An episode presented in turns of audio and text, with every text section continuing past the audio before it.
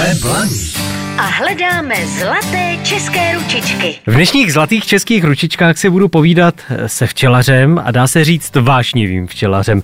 Milan Čaloun je na lince. Dobrý den. Dobrý den. A já o vás vím, že vás ten koníček, nebo byl to původně koníček a už asi není koníček, úplně pohltil. Jak to s vámi je? Je to pořád ještě koníček? No, no, řekl bych, že už je to velký kůň. Eh, Skutečně to začalo před eh, osmi lety jako eh, koníčkem, ale poslední, řekněme, dva, tři roky už se tomu věnuju na profesionální úrovni a vyloženě se tím živím. Je to moje hlavní činnost. Kolik máte včelstev? Je to něco mezi 150 a 160 včelství. My jsme neřekli důležitou věc, kde vlastně poletují ty vaše včeličky. Teda oni teď asi moc nepoletují, ale kde jsou? Žiju já i moje včely v eh, obci Vráž, to je okres Písek, Jižní Čechy. Obec Vráž je specifická v tom, že je obklopená hned třemi chráněnými přírodními rezervacemi. A právě tyto rezervace jsou domovem mých včel, tam mám svoje včelnice a tam moje včelky v sezóně lítají. A vy jste natolik vášnivým včelařem, že jste se o ty své zkušenosti začal i dělit.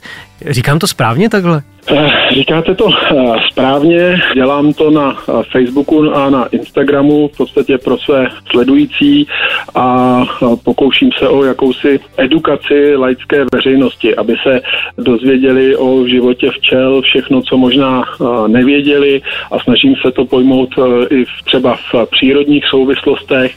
Nyní přes zimu teda jsou ty videa spíš, řekněme, produktová, protože samozřejmě nedá se od těch včel natáčet, takže poslední videa jsou o třeba o medu, o tom, jestli má krystalizovat, nemá krystalizovat, jak je to s kvalitou medu, jak poznat kvalitní med, nekvalitní med, co je to pastovaný med, jak se vyrábí a tak dále. Ale eh, v plánu mám v podstatě ty sledující provést celou včelařskou sezónou, jak my včelaři říkáme, vzít je prostřednictvím těch videí přímo do včel, aby viděli, co ta včelařská práce obnáší, aby viděli ty včely naživo, co dělají, čím se, čím se aktuálně zabývají, takže tohle to je můj, to je můj plán. Hmm. Ta, ale to mi řekněte, teď se zastavím teda u, toho, u té krystalizace toho medu. Když mi teda med stuhne na kámen, je to dobře nebo špatně? Určitě je. Je to naprosto přirozená vlastnost medu a každý med musí dříve nebo později skrystalizovat. Pokud by neskrystalizoval, tak se s ním stalo něco, co se s ním stát nemělo. Je třeba říct, že eh, se na to nedá eh, dívat, jakože hm, koupím si od včelaře, je letošní a když eh, za měsíc nebude skrystalizovaný, tak je to špatně. Každý druh medu totiž krystalizuje, řekl bych, jinou rychlostí.